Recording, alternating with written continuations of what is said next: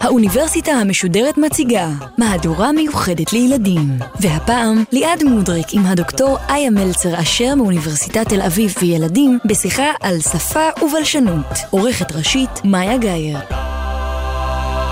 טוב לכם, אנחנו בתוכנית מיוחדת של האוניברסיטה המשודרת, כחלק מהשידורים המיוחדים של גלי צה"ל, לכבוד חג החנוכה, חג הילדים כאן בתחנה, ואנחנו ממשיכים במסע מופלא בניסיון להבין איך עובדת שפה. בתוכנית הקודמת, אתמול, דיברנו על מהי שפה ועל מה הקשר בין שפה לבין מחשבה, איך שפות נוצרות, והיום אנחנו נדבר קצת על הקשר בין שפה לבין מוח, ואיך שפה מתפתחת אצל ילדים.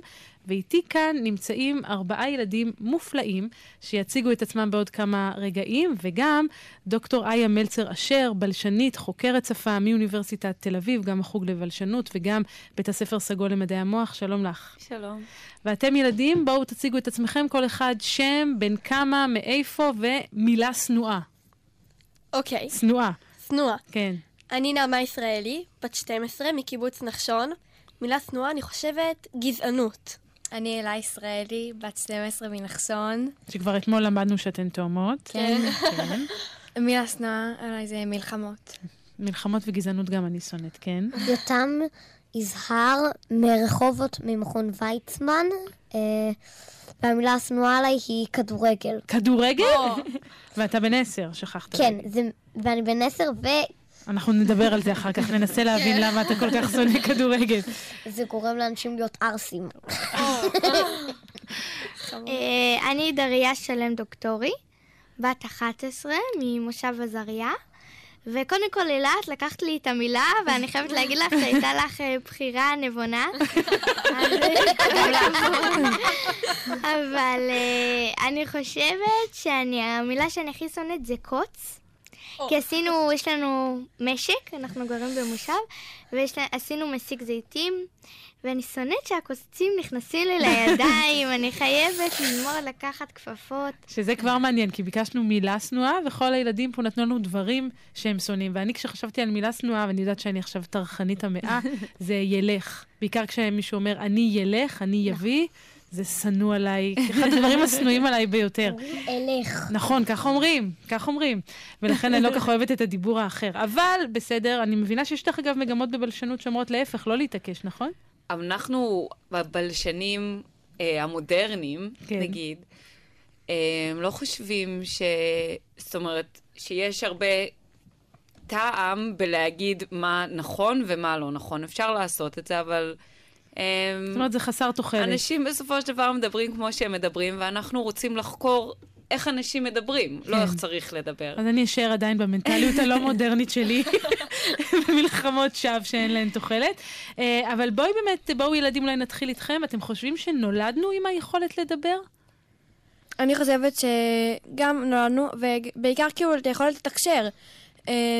גם בשפת הגוף נגיד תינוקות שהם... לאט לאט כי מתפתחת גם השפה, אבל uh, בהתחלה זה יותר שפת הגוף. אני חושבת שהיכולת לדבר זה משהו שלאט לאט התפתח באבולוציה שלנו, וכרגע כשאנחנו נולדים יש לנו את היכולת לדבר, המולדת. כל, כמו שאלה אמרה, זאת יכולת שבעיקר נרכשת. כאילו, אם לא מדברים איתנו בשפה מגיל אפס, אז היה לנו... קשה למצוא את עצמנו, אבל יש לנו כן את הרצון הזה לתקשורת mm-hmm. עם שפת גוף ובעות פנים. מוזיקה גם. תריה. אה, אני מסכימה עם נעמה שנולדנו עם היכולת לדבר ואנחנו רק מפתחים אותה. אני, אה, האמת, רוצה להגיד גם על בעלי חיים. כן. את יודעת מה? אני עוצרת אותך, אני מבטיחה לך שנגיע לבעלי חיים, אנחנו לא שוכחים אותם. אבל עוד קודם עם תינוקות, מה אתה חושב, יותם? אמ, אני חושב שנולדנו עם היכולת לדבר, אלא אם כן... נולדנו עם מחלה מאוד מאוד מאוד קשה, או פגמים ב- בלידה. יש מחלוקת מאוד מאוד גדולה לגבי השאלה, האם אנחנו נולדים עם יכולת מולדת או מבנים מולדים של שפה, או שזה רק משהו שאנחנו לומדים. נכון. זו שאלת השאלות, זו השאלה הכי גדולה בעצם, שבלשנים תוהים לגביה. אם היכולת הלשונית שלנו, של בני האדם, היא יכולת מולדת, או שזה פשוט משהו שאנחנו לומדים כמו לרכב על אופניים.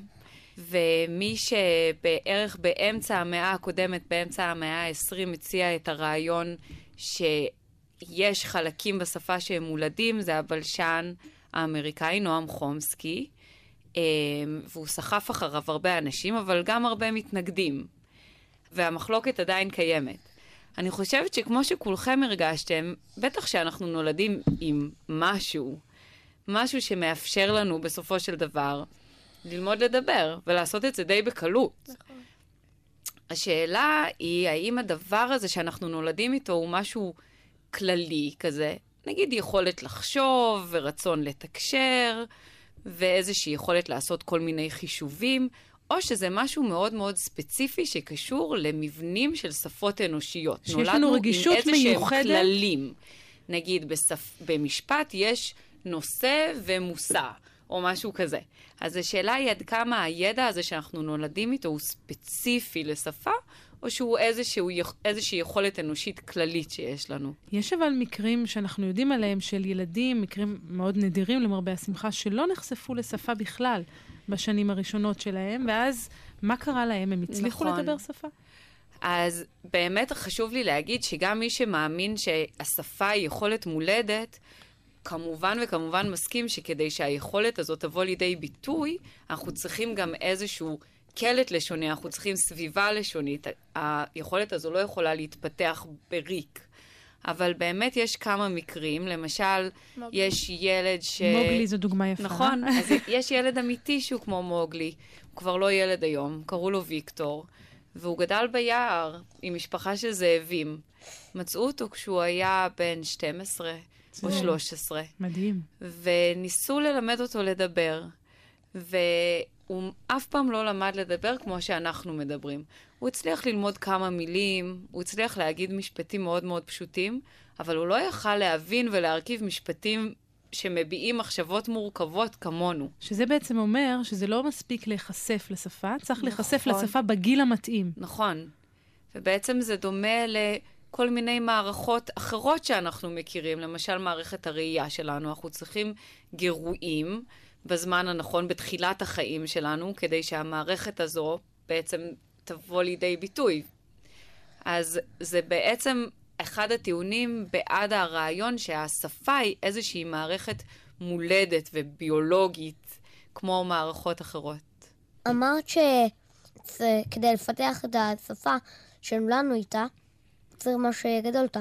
אז רציתי להגיד הדמיה, כמו הם אה, צעצוע, שפועל על חשמל, שצריך להכניס לו בסוף בטריה. נכון.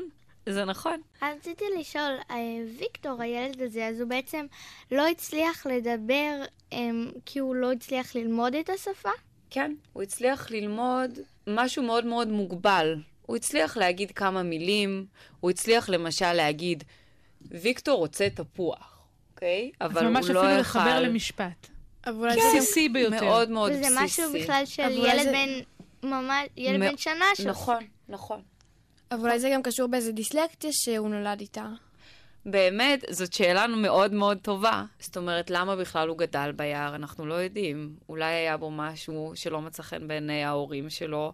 אז באמת קשה קצת להפריד את הגורמים האלה. מבחינת המחקר זו בעיה, נכון. אז קודם כל שתי נקודות על גילוי העניין הזה. Uh, הזכרת קודם uh, את נועם חומסקי, ואולי אחד הדברים המשמעותיים שמדברים בהקשר הזה זה דקדוק אוניברסלי. האם אפשר למצוא מכנה משותף לכל השפות, שהילדים קולטים אותו באופן באמת טבעי, מולד? Uh, נכון. בעצם אחת המטרות של הבלשנים היא לנסות לגלות אם יש כזה דבר, דקדוק אוניברסלי, איזה שהן תכונות שמשותפות לכל השפות, ואם יש תכונות כאלה, אז סביר לחשוב שזה באמת איזשהו משהו אנושי שטבוע בנו מלידה. אז יש כמה הצעות למין תכונות כאלה שחוזרות שפה אחרי שפה אחרי שפה. ברור ששפות גם מאוד מאוד נבדלות זו מזו, הן נבדלות כמובן במילים ובצלילים, אבל הן נבדלות גם באופן שבו אנחנו מרכיבים משפטים ושפות שונות. אבל אם נצליח למצוא כמה עקרונות אוניברסליים שנכונים בכל השפות, אז יכול להיות שזה איזושהי סיבה לחשוב שבאמת יש משהו ביכולת הלשונית שהוא טבוע בנו מלידה. אז זה בעצם ויכוח שעדיין אה, לא מוכרע, ואנחנו עוד בטח נמשיך להתעסק בו לא מעט, אבל לפני זה, אלא אם כן יש לכם שאלות נוספות, ילדים, אולי נשמע מוזיקה?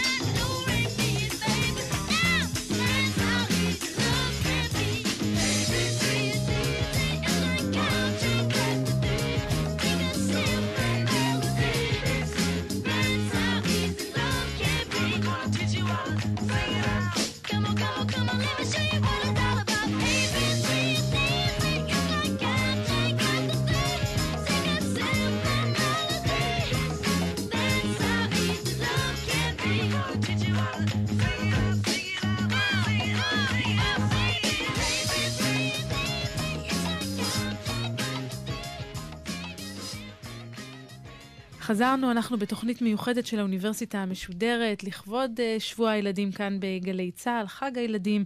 אנחנו ממשיכים להבין מהי שפה ואיך היא קשורה עכשיו נדבר גם על מוח, ואיתנו דוקטור איה מלצר אשר, ואני רוצה עוד לפני שאנחנו פונים אלייך, איה, לשאול אתכם, ילדים, איך אתם בעצם מבינים משהו שמישהו אחר אומר לכם? איך אתם חושבים שהתהליך הזה עובד? נתחיל ביותם. אני חושב שהתהליך הזה עובד, קודם כל, הגלי קול עוברים, עוברים באוויר, נכנסים לנו לתוך האוזן, ואז זה עובר דרך חלק של המוח, שמתרגם לנו את זה, ואז אנחנו מבינים מה זה אומר. אמ, אחרי שהאוזן שלנו בעצם קולטת את הגלי קול, ומתרחש איזשהו תהליך עד שזה מגיע למוח, במוח מה שמתרחש זה ההבנה של, של מה שקלטנו, של המשפט או המילה, הניתוח שלה, וכאילו, ויצירת רעיון לתגובה, שאיתה נגיב. ואחר כך המוח שולח את זה לאיברים האחרים, שככה אנחנו מגיבים. אני uh, רוצה להוסיף וגם uh, לשאול. רציתי להוסיף את זה שכל המילים שיש לנו במין uh, מילון הזה בראש זה מילים שרכשנו פעם. ואם אומרים לנו מילה ואנחנו לא מבינים, אנחנו מחפשים משהו שהכי קרוב אליה במילון הזה שיש לנו בראש. אבל אני רציתי לשאול, את כל התהליך הזה שאמרו, ואמרו פה אותו במילים, למה אנחנו בעצם לא שומעים אותו בראש? או אנחנו לא, לא, מביא, לא חושבים אותו במילים.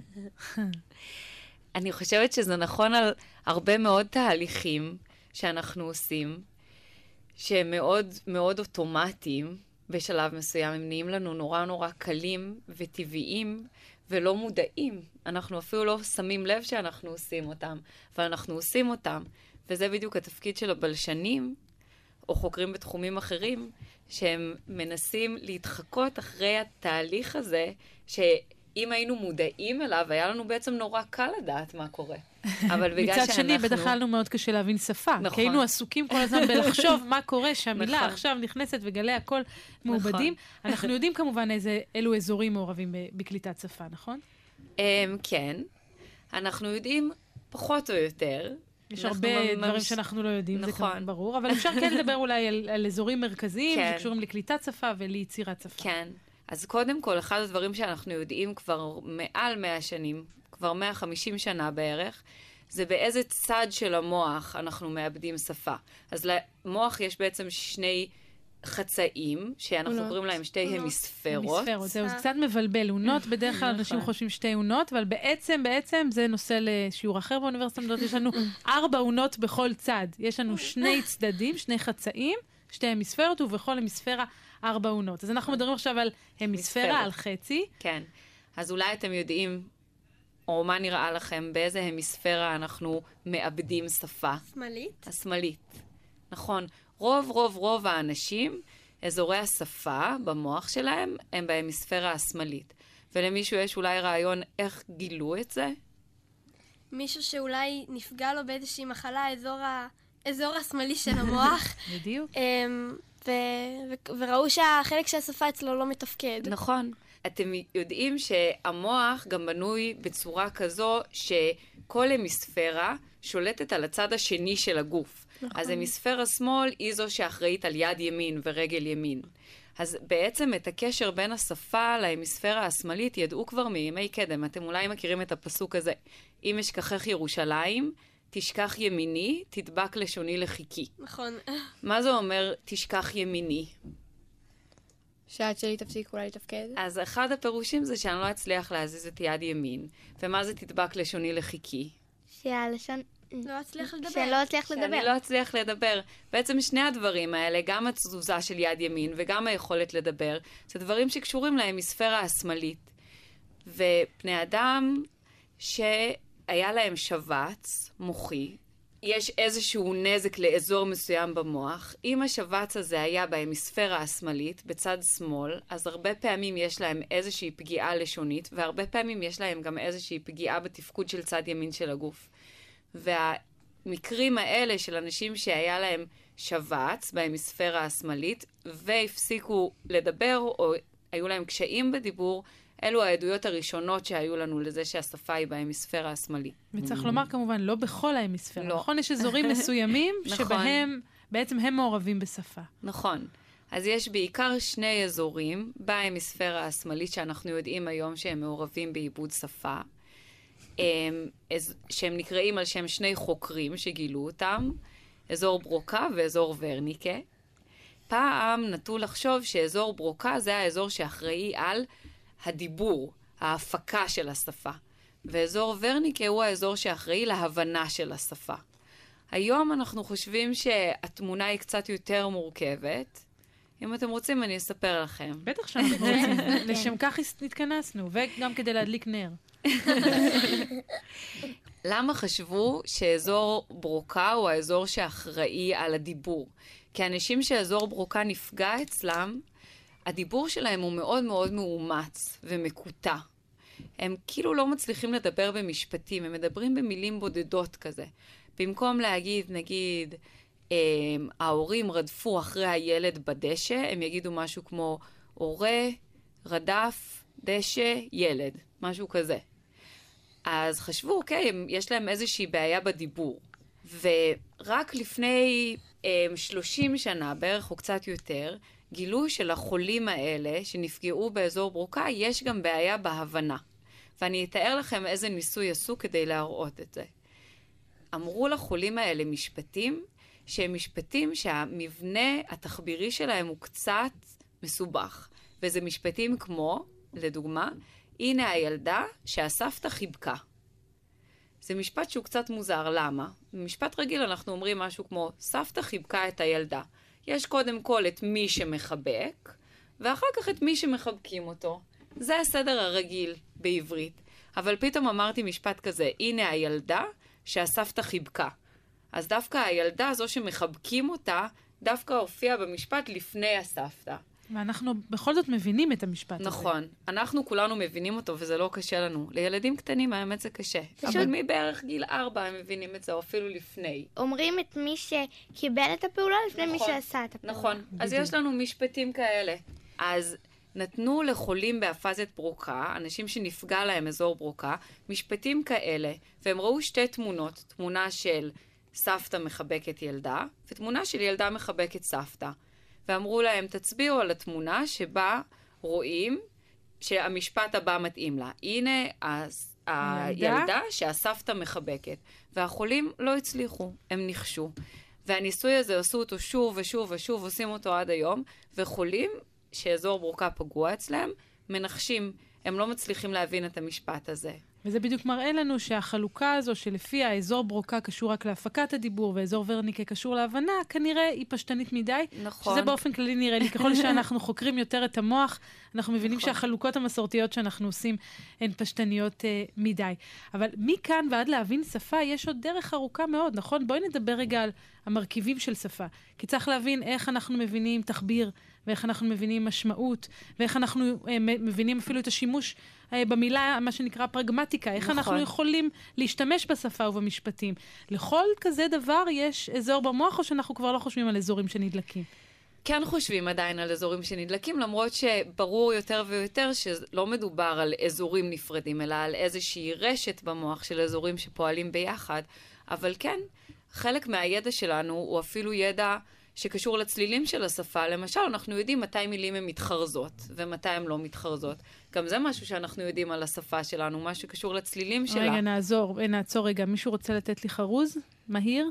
תפוז חרוז. נכון. תפוז חרוז. עוד? כינור חמור. כינור חמור?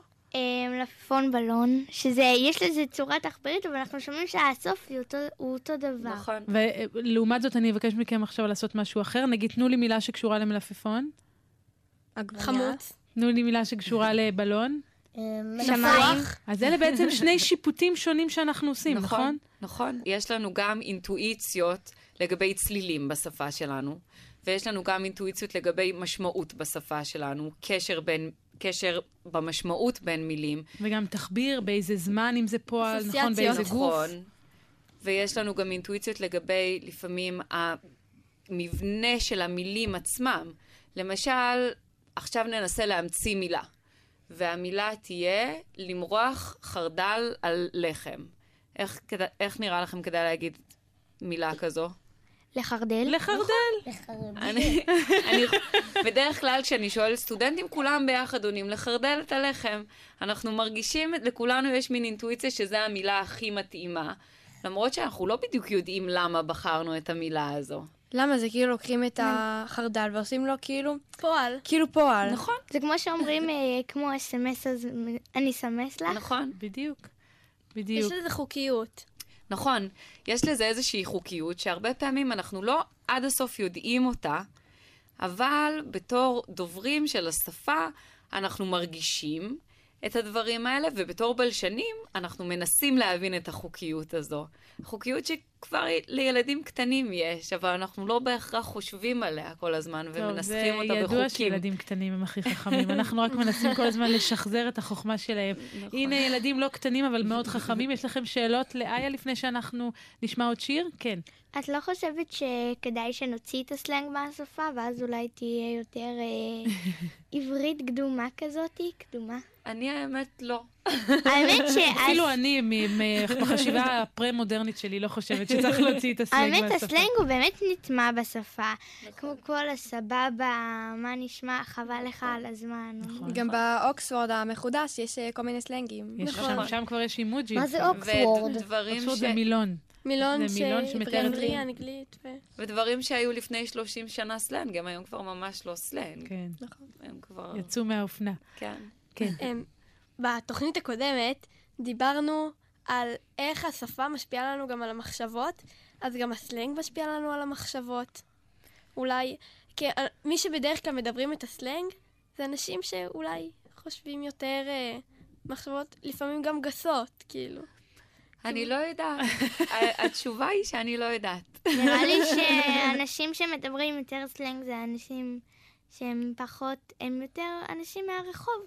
או יותר יצירתיים. או יותר יצירתיים. כן, לפעמים אנחנו גם משתמשים בסלנג כן. אה, לתאר דברים שאולי אנחנו לא מכירים את התיאור שלהם בשפה העשירה. או שאין להם. כן, או שאין להם. יש דברים שאפשר לתאר רק בסלנג. נכון. אז אנחנו עכשיו נשמע קצת מוזיקה, ואז נחזור. It's supercalifragilisticexpialidocious, even though the sound of it is something quite atrocious. If you say it loud enough, you'll always sound precocious. Supercalifragilisticexpialidocious. Because I was afraid to speak when I was just a lad. My father gave me nails a tweak and told me I was bad.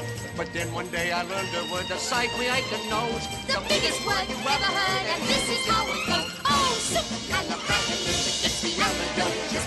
Even though the sound of it is something quite atrocious. If you say it loud enough, you'll always sound precocious. Supercalifragilisticexpialidocious. Under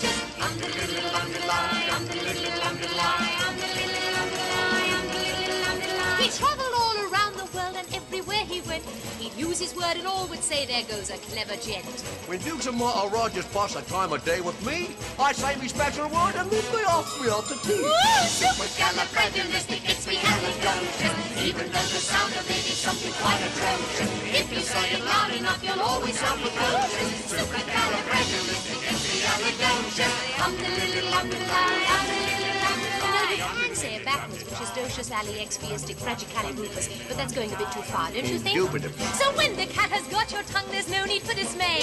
Just summon up this word and then you've got a lot to say. But better use it carefully or it could change your life. For example, Uh, yes? one night I said it to me girl, and now me girl's me wife. Oh, and a lovely thing she is too. She's supercalifragilisticexpialidocious. Supercalifragilisticexpialidocious. Supercalifragilisticexpialidocious.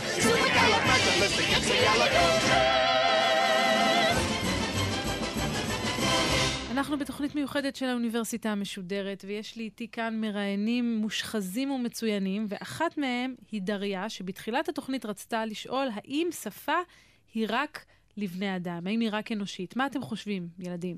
אני חושב שהיא לא רק לבני אדם, נגיד דולפינים, ניתן דוגמה. הם, יש להם שפה מפותחת מאוד של צפצופים ושריקות.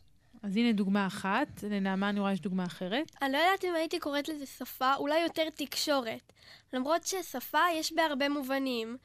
שפה של קולות ושל תנועות גוף. לכל החיות יש את השפה של התנועות גוף. דריה שואלת את השאלה המקורית. אה, כן, לי יש אפילו אה, לדעתי תשובה לעצמי אה, על הכלב שלי, שהוא גם, הוא גם מדבר והוא גם מראה לי בתנועות, אה, ואני גם רואה שהוא מבין. אז נגיד, אה, כשאני לא מרשה לו להיכנס הביתה ואני סוגרת את הדלת, אז uh, הוא יושב, והוא יושב, הוא לא זז, הוא לא משתגע, שזה בדרך כלל מה שהוא עושה, והוא מסתכל עליי, מסתכל ככה על הדלת, מביט בדלת, ממש מביט בה, והוא כאילו מסמן לי שהוא רוצה להיכנס, או שהוא קופץ על הדלת. אני רואה שהוא מבין גם שאני אומרת לו, אמ, תן לי יד. אז הוא נותן לי יד, הוא מבין גם את השפה שלי, שזה משמח אותי שהוא מבין את השפה שלי. גם התוכים הם מחקים אותנו. אני חושבת נכון. שזה כבר יותר הרגלים שאנחנו מכניעים לכלב. כן, אבל אני חושבת מאלפים שהוא... אותו. אני... נכון, אבל אם הוא מבין אותי, הוא מבין אותי גם כשאני אומרת לו משהו. אני אומרת לו, לך עכשיו, אז הוא הולך, אפילו שאני לא הרגלתי אותו לזה. יש אבל משהו... ב- אם את תגידי לו, לך ביום שלישי הבא. לא, אז זה יותר מסובך. אז מה אנחנו באמת יודעים או יכולים לומר על השפה אצל בעלי חיים ועל השאלה אם שפה היא אנושית בלבד? אמ, כמו שאמרתם, לבעלי חיים, לכל בעלי החיים יש תקשורת, יש מערכות תקשורת. חלקן פחות מפותחות, חלקן מאוד מפותחות, כמו באמת מערכת התקשורת של דולפינים או של דבורים. דבורים, דבורים יכולות להעביר אינפורמציה לגבי המידע, לגבי המיקום והמרחק של אוכל בצורה מאוד מאוד מדויקת, אחת לשנייה. אז לכל החיות יש מערכות תקשורת, אבל לפי מה שאנחנו יודעים, לאף בעל חיים אין שפה שהיא עשירה ומפותחת כמו השפה האנושית. למשל, רק בשפה האנושית, עד כמה שאנחנו יודעים, אנחנו באמת יכולים לדבר על דברים שלא רלוונטיים לכאן ועכשיו. על העתיד, על העבר, על דברים רחוקים. אנחנו גם יכולים לדבר על דברים מופשטים, כמו על חלומות ותקוות. ועוד משהו שמאפיין את השפה האנושית, השפה שלנו, זה זה שהיא בעצם מאפשרת לנו אינסוף משפטים שונים. אנחנו כל הזמן יכולים ליצור, כל פעם יכולים ליצור איזשהו משפט חדש, שעוד אף פעם לא אמרנו. למשל, אני די בטוחה שכל המשפטים שאני אמרתי מתחילת התוכנית הזאת, אתם לא שמעתם אותם לפני זה, ובכל זאת אתם הבנתם אותם בקלות. אז לחיות אין מערכות תקשורת כל כך כל כך עשירות ומפותחות. אבל נראה... יש מקרים שבהם הצליחו ללמד חיות שפה, אני זוכרת ניסויים עם שימפנזים, נכון? נכון. אז עשו כמה ניסויים כאלה, שלא ברור גם עד כמה זה בסדר לעשות ניסויים כאלה. אבל ניסו ללמד את החיות הכי קרובות אלינו, okay? קופי אדם כמו שימפנזים, ניסו ללמד אותם שפה. ולעשות את זה בצורה כמה שיותר טבעית. כמו שילדים לומדים שפה. איך ילדים לומדים שפה? מדברים איתם. אוקיי? הם פשוט בבית, וההורים מדברים איתם או לידם, וככה ילדים לומדים. אז לקחו קופים וגידלו אותם במשפחה אנושית ביחד עם ילדים אנושיים. למשל, היה קוף מאוד ידוע שקראו לו נים צ'ימסקי. אימצה אותו משפחה, והוא פשוט היה כמו אחד הילדים, וגם לימדו אותו בכיתה. נים צ'ימסקי למד, זה נמשך כמה שנים, הוא למד די הרבה מילים. הוא למד משהו כמו 200 מילים, משהו כזה. כמה מילים אתם יודעים לדעתכם? אני חושבת שהמון מילים. יותר משיש לנו כששואלים אותנו כמה מילים, יש עוד מילים שאפילו לא במודע שלנו. תנסו לזרוק מספר. עשרת אלפים? עשרה מיליארד. עשרה מיליארד. אם אנחנו כוללים גם צירופי מילים, אז רק מילים, בלי צירופים. אה, אנחנו יודעים משהו כמו עשרת אלפים או עשרים אלף מילים בעברית. אז נים צ'ימסקי, הילדים פה 25 אלף, זה בוודאות, לפי איך שהם שואלים שאלות. אז, אז נים וקופים אחרים שניסו ללמד אותם למדו כמה מאות מילים, אוקיי? זה הרבה, אבל זה לא כמה שאנחנו יודעים, גם לא כמה שילד בן חמש יודע. ויש דוגמה מפורסמת, נכון, של לוסי, שממש ניהלו איתה שיחה, הנה, יש את זה אפילו כאן אה, לפניי. לוסי הייתה אה, שימפנזה, היא הצליחה ללמוד, אם אני לא טועה, 140 סימנים, זה בשפת הסימנים, נכון? ואז ה- אמ, החוקר נכנס, והוא רואה שיש על הרצפה, סליחה על המילה, קקי, אה, גללים, והוא שואל אותה מה זה, ואז היא עונה לו עם בשפת הסימנים, שואלת מה זה, ואז הוא אומר לה, את יודעת, מה זה? ואז היא אומרת לו, לכלוך, לכלוך, היא מסמנת. והוא שואל אותה, של מי לכלוך, לכלוך? ואז היא אומרת, סו, היא מאשימה אחת החוקרות שנמצאות שם, אחת הסטודנטיות שנמצאת שם. ואז הוא אומר לה, לא, לא, לא, זאת לא סו, של מי זה? ואז היא אומרת, רוג'ר, שזה הוא, אתה זה שעשית את זה. ואז מצחיקה, אה? ואז היא אומרת, לא, לא, אה, אה, היא אומרת לה, לא, לא, זה לא שלי, של מי זה? ואז היא אומרת, לוסי לכלוך לכלוך, לוסי מצטערת. תשמעי, זו ממש שיחה. היא אפילו משקרת. נכון. אז יש פה ממש שיחה, היא אפילו משקרת, שזה, שזה יכולת מאוד מאוד מפותחת. נגיד, מאוד. ילדים קטנים לא יודעים לשקר. אמ, ואז הם גדלים והופכים להיות שקרנים שאין לא, אין. עלינו. אבל אנחנו רואים פה האמת מאוד יפה מה לוסי יכולה לעשות ומה היא לא יכולה לעשות. Um, הוא אומר לה מה זה, הוא מצביע על משהו, אוקיי? אז די ברור גם מה השאלה, כנראה. ואז היא אומרת לכלוך, היא בעצם עונה לו במילה אחת, וגם בהמשך השיחה היא כל פעם עונה במילה אחת, אבל אנחנו רואים פה גם מה היא לא יכולה לעשות. היא לא יכולה לענות משהו כמו... Um, אני עשיתי את זה. זה, אני עשיתי את זה, ואני מאוד מצטערת, ואני מתביישת בזה, ובגלל זה אני אומרת שזה של מישהו אחר, ופעם הבאה אני לא אעשה את זה יותר, או משהו כזה, שבאמת ילד בן שלוש או ארבע כבר יכול להגיד את זה. אז מה שנראה מכל הניסויים על הקופים שעשו, זה שהם מצליחים ללמוד מילים, והם מצליחים לתקשר, אבל מה שחסר להם ולנו יש, זה את היכולת לקחת את המילים האלה ולחבר אותם למשפטים שמביעים רעיונות או טענות יותר מורכבים. זה משהו שלא הצליחו ללמד אף קוף, עדיין. אבל את חושבת שאפילו שהיא אמרה, בסוף היא אמרה אה, שזה בכל זאת שלה ושהיא מצטערת, אה, אז היא עדיין לא יכלה להאשים את עצמה, כי היא לא יכולה פשוט, היא לא יכולה להאשים את עצמה? לא, אני לא בטוחה. אני חושבת שיכול להיות שבאמת הצטערה והרגישה רע עם זה. אבל היא לא יכלה להביע את, המח... את המחשבה הזאת בצורה מילולית. בואו בוא נחזור אבל באמת ל, אה, לסוגיה הזאת. אנחנו כן יכולים לזהות מבנים לשוניים אצל בעלי חיים, או שזה התקשורת שלהם, או שאי אפשר לדבר על תחביר של נביחות?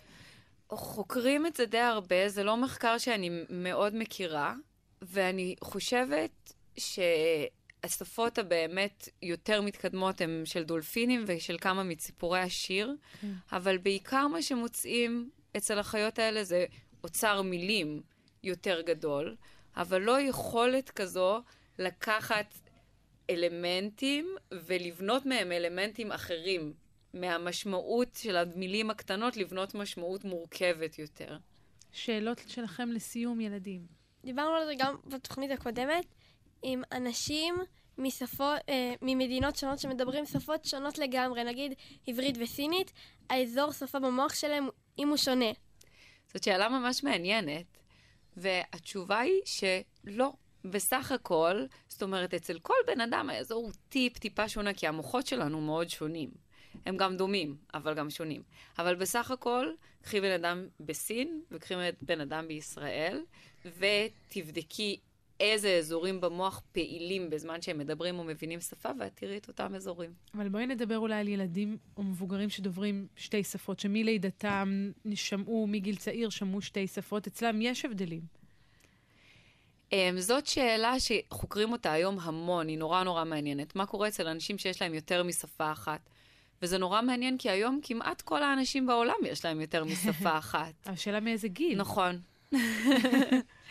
אמ, ומה שאנחנו מוצאים זה שיש איזושהי חפיפה באזורים בין השפות השונות, זה לא שיש אזור מסוים של אנגלית ואזור אחר של עברית. יש חפיפה, זאת אומרת, יש איזושהי רשת משותפת לשתי השפות, אבל יכולה להיות גם הפעלה רק של שפה אחת לעומת רק של השפה השנייה. רציתי לשאול אם uh, בעתיד, אני לא חושבת שזה יכול לקרות לא באלף שנים אפילו הקרובות, אם הבעלי חיים יוכלו להמציא שפה משלהם ושתהיה להם שפה. כן, אני חושבת שכן. לנו זה קרה, נכון? נכון. יום אחד פתאום קרה משהו, השתנה משהו במוח, ונהיינו יכולים לדבר שפה אנושית, אז יכול להיות מאוד שזה יקרה. שזה ממש חשוב, כי אם לא היה שפה, אז גם לא היינו פה. נכון. וגם לא היינו יכולים לדבר, כי זה אפילו לא טלוויזיה שרואים אותנו. נכון, נכון. זה באמת מאוד מאוד קידם את המין שלנו, את המין האנושי. זה שנוצרה לנו שפה. אז אנחנו עכשיו, אם כבר דיברנו על שפה ובעלי חיים, נשמע אחד השירים היפים אה, של אריק איינשטיין על דוקטור דוליטל.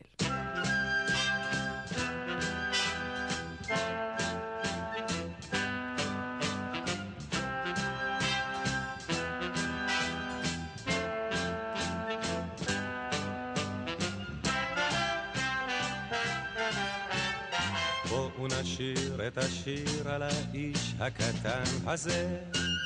בואו נשיר כמו ששרו החיות. הנה הולך האדון הרופא, איש בינות הוא, במדמנה אשר בגיא השלוליות. דוקטור דוליטל, דודלי דלי דוקטור דוליטל.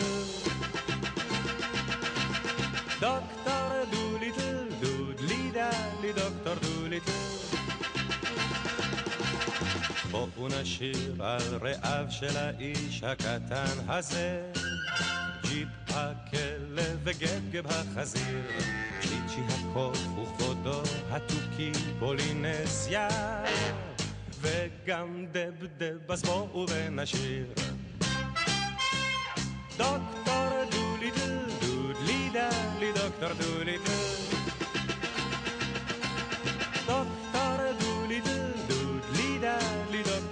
דוליטל.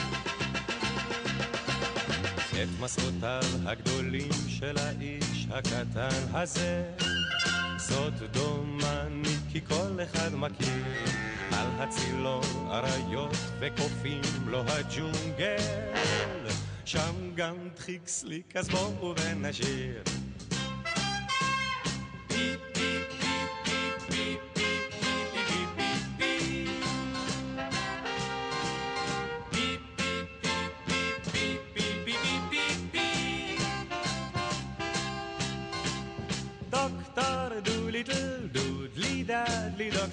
דוקטור דוליטל.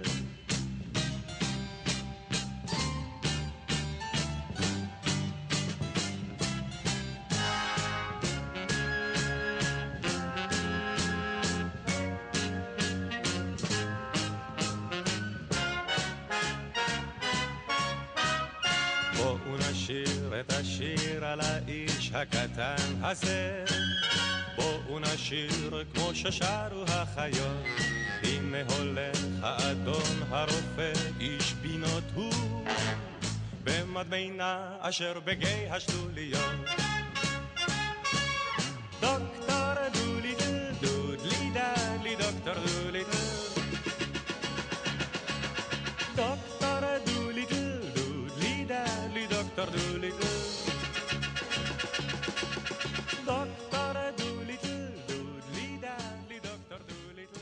זהו, אנחנו מסיימים. זו התוכנית השנייה אה, שבה ניסינו להבין איך שפה קשורה למחשבה, ואיך שפה קשורה למוח, והאם היא אנושית או שקיימת גם אצל בעלי חיים, שאלה שאלות מרתקות שהמין האנושי מתעסק בהן כבר אה, מאות ואלפי שנים.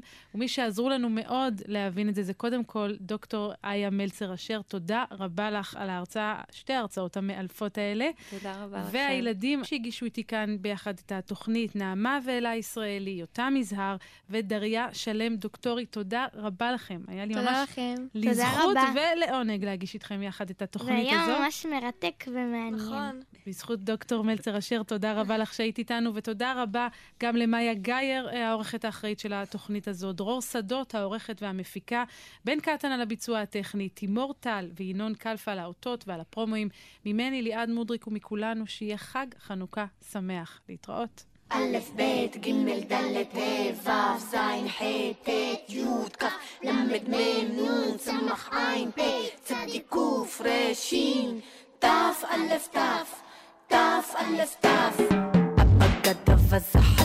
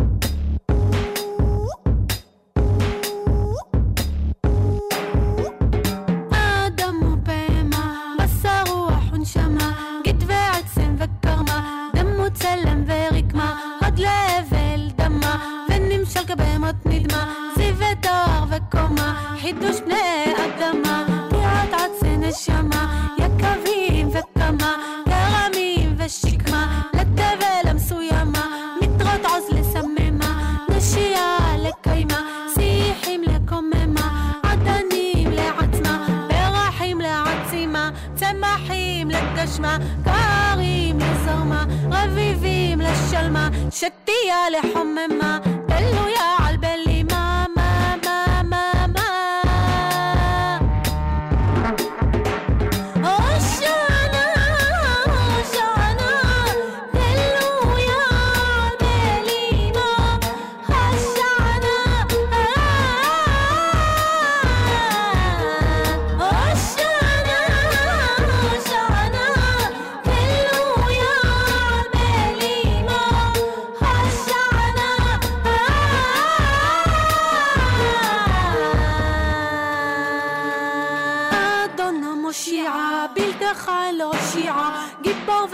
ורב לא שיעה, דרתי בלי הושיעה, האל המושיעה, ומציל ומושיעה, זועקך תושיעה, הוכך הושיעה, דלאך תשביעה, לב ולהשפיעה, כל שיח תשב תושיעה, לגיא בל תרשיעה. נסים